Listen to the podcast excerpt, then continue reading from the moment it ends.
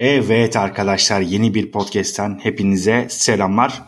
Bu yeni podcast'te sizinle Metaverse konuşmak istedim. Blockchain sistemlerini konuşmak istedim. Ve son zamanlarda Mark Zuckerberg'ün de e, dile getirdiği Meta konusunu biraz dile getirmek istedim. Artık teknoloji aldı başını gidiyor ve ben benim de sizlere bu podcast içerisinde bir sürprizim var. Bu sürpriz şu. Şu anda e, Apple Podcast, Spotify veya Google Podcast gibi platformlardan bu ses kaydını dinliyorsanız aslında size bir havuzdan değil yani bir sunucudan, bir serverdan değil e, doğrudan bu sesi siz blockchain sisteminden gelerek dinliyorsunuz. Ve ilk defa ben de böyle bir şey yaptım. Böyle biraz heyecanlandım yaparken. E, test ettim. Acaba çalışacak mı diye kendi kendime de düşündüm. Ve çalıştı. E, başka yaptığım denemelerde bir önceki podcastlerimden bir tanesini e, bu blockchain sistemine gönderdim. Ve blockchain sistemi de bunu devreye aldı ve muazzam da hızlı çalıştı. Şimdi bunu biraz anlamak için önce bir Web 1 nedir, Web 1.0 nedir, Web 2.0 ne, 2.0 nedir bunu biraz konuşmamız gerekiyor. Şimdi Web 1.0 e, bu internet ilk çıktığı zamanlar özellikle 80'lerin ortalarından sonrasını konuşmak gerekirse sadece düz beyaz bir sayfa üzerinde bir internet sitesi oluşuyordu. Tabii bunun bizim Türkiye'de zannedersem ilk yapan internet mahirdi. İnternet Mahir I Kiss You I Love You gibi bir e, portal oluşturdu ve Türklerin ilgisini çekmeye başarmıştı. E, bu ilk Web 1.0 portalıydı. Web 1 e, Web 1.0'da sadece bir sunucu vardı veya bir bilgisayar vardı. Sunucu da belki çok kaliteli bir şekilde yoktu. E, küçük boyutlarda ve oraya e, veriler gönderiliyordu basit bir HTML sayfasıyla ve efendime söyleyeyim e, bu veriler orada görünüyordu. Sadece bu kişi okuyabiliyordu. Yani başka bir özelliği yoktu. Fakat bu internetten beklenenin altında kalıyordu. Yani bu değildi. Yani bir veri toplayamıyordu. Bir data SQL dediğimiz e, database'lerde işlem yapamıyordu. Web 2.0 bunun çaresi oldu. Web 2.0 ne yaptı arkadaşlar? Web 2.0 şunu yaptı.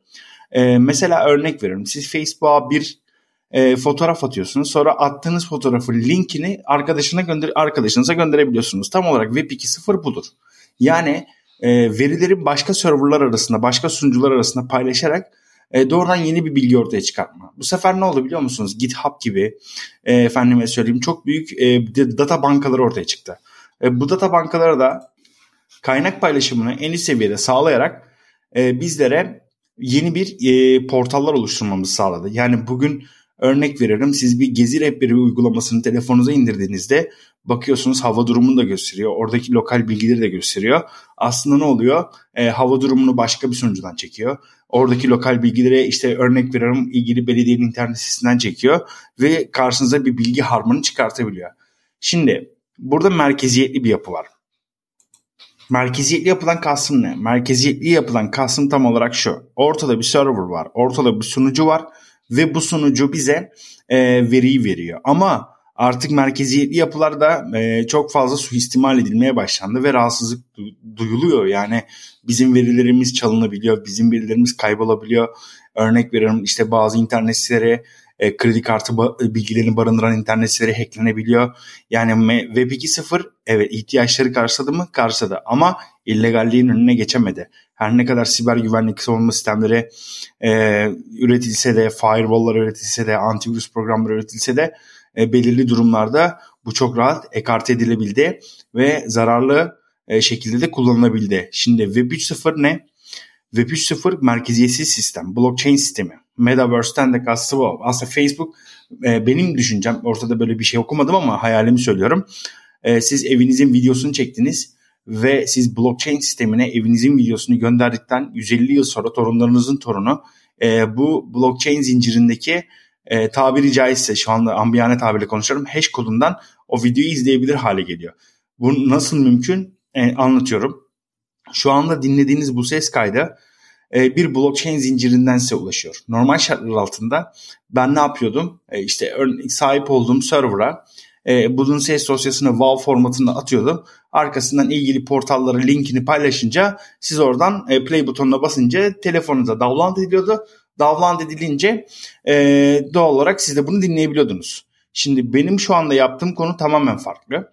Storch isminde e, kripto para biriminin kendi altyapısında cüzdan yapısını kullandım. Bu ne işe yarıyor biliyor musunuz? Sistem size şunu şunu şunu sağlıyor arkadaşlar.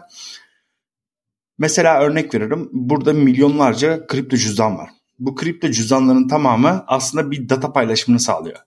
Ve bu data paylaşımlarının tamamı şifrelenerek oluyor. Şifreleniyor. Ee, şöyle hayal edin arkadaşlar. Şimdi 300 megabaytlık bir dosya olduğunu düşünün bunun. 300 megabaytlık dosyayı 400 tane yere cüzdana şifreleyerek bölüyor. Arkasından biz burada play butonuna bastığımızda 400 tane cüzdandan şifrelenmiş olan veriyi geri getiriyor ve bize tekrar geri sunuyor. Bu muazzam bir şey. Yani merkeziyetçi yapı, merkeziyetsiz yapı özür dilerim tam olarak karşılığı bu oluyor. Yani bir server yok, bir sunucu yok. Ortada kripto e, blockchain sistemi var. Blockchain sistemine dağıtılmış datalar var.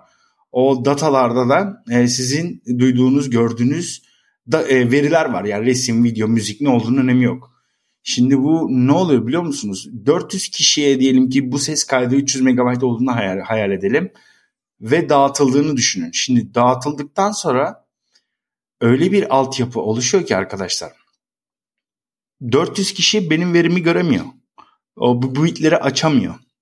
Efendime söyleyeyim ve onların cüzdanlarından tekrar dosya bize geri geldiği zaman göremiyor.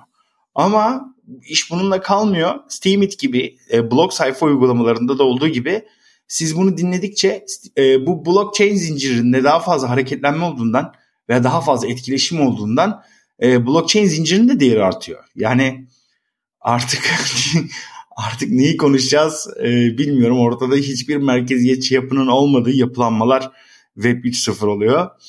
Web 3.0 e, şu an için hacklenebildiğini duymuyorum. Yani daha en azından bu teknoloji daha Web 3.0 yeni olduğu için, Metaverse yeni olduğu için, blockchain yeni olduğu için bunun direkt karşılığını bize zaten şu anda e, hacklendi diye bir şey duyamayız. Ama öyle bir yapı ki ortada e, internet ağının kullanımının zirvesi. Yani birden fazla ağ bize aynı anda tek bir noktada tekrar birleştirilebiliyor ve bunlar da başka bit, bit olarak yani e, kilobit bit olarak e, binary sistemler olarak kopyalanabiliyor ve kopyalandığı yerden de geri alınabiliyor. Yani bu nasıl bir şey bilmiyorum. Yani şu anda bu ses kaydını YouTube'dan dinliyorsanız zaten bu, bu mümkün değil. Çünkü YouTube sunucularına doğrudan biz videoyu yüklediğimiz için sizin de bildiğiniz gibi e, şey e, normal YouTube sisteminden dinliyorsunuz ama herhangi bir podcast kanalından podcast platformundan dinlediğiniz zaman şu anda dinlediğiniz bu ses kaydı Storch e, kodlayım buradan belki anlaşılmayabilir. Samsun, Trabzon, Ordu, Rize jandarma altyapısıyla e, birleştirilerek size geliyor ve bu muazzam bir şey. Şaşkın olduğum bir şey. İlk defa ben de böyle bir sisteme şahit oldum. Bu ne demek oluyor biliyor musunuz? Yani şirketlerin sunucuları, e, dataların paylaşımları, efendim bizim özel bilgilerimiz yani sallıyorum 10 bin tane fotoğrafınız var. Bu 10 bin tane fotoğrafınızı siz yedekleyebileceğiniz bir blockchain sistemi var. Ya bu muazzam bir şey. En özel bilgilerinizi bile kimse görmeyecek şekilde e, koruyabileceksiniz. Muazzam bir şey. Tabii bu suistimal edilmeye yine açık bir konu.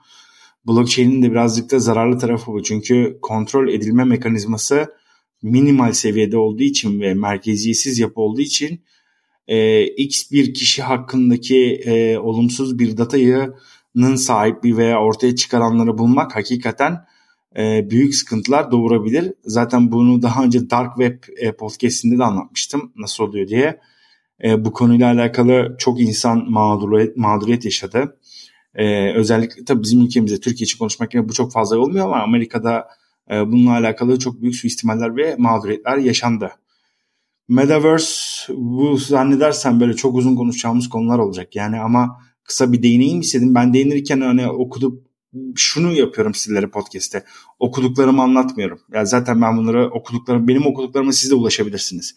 Ben e, o bilgiyi gerçekten kullanmak istiyorum ve sizinle yaşamak istiyorum. Şu anda e, bu podcast'te şunu mutluluğunu yaşıyorum. Sizler bir blockchain altyapısından gelerek bir ses kaydı dinliyorsunuz. Ve bu ses kaydı hiçbir e, sunucuda kayıtlı değil. Bu muazzam bir şey arkadaşlar. Gerçekten muazzam bir şey.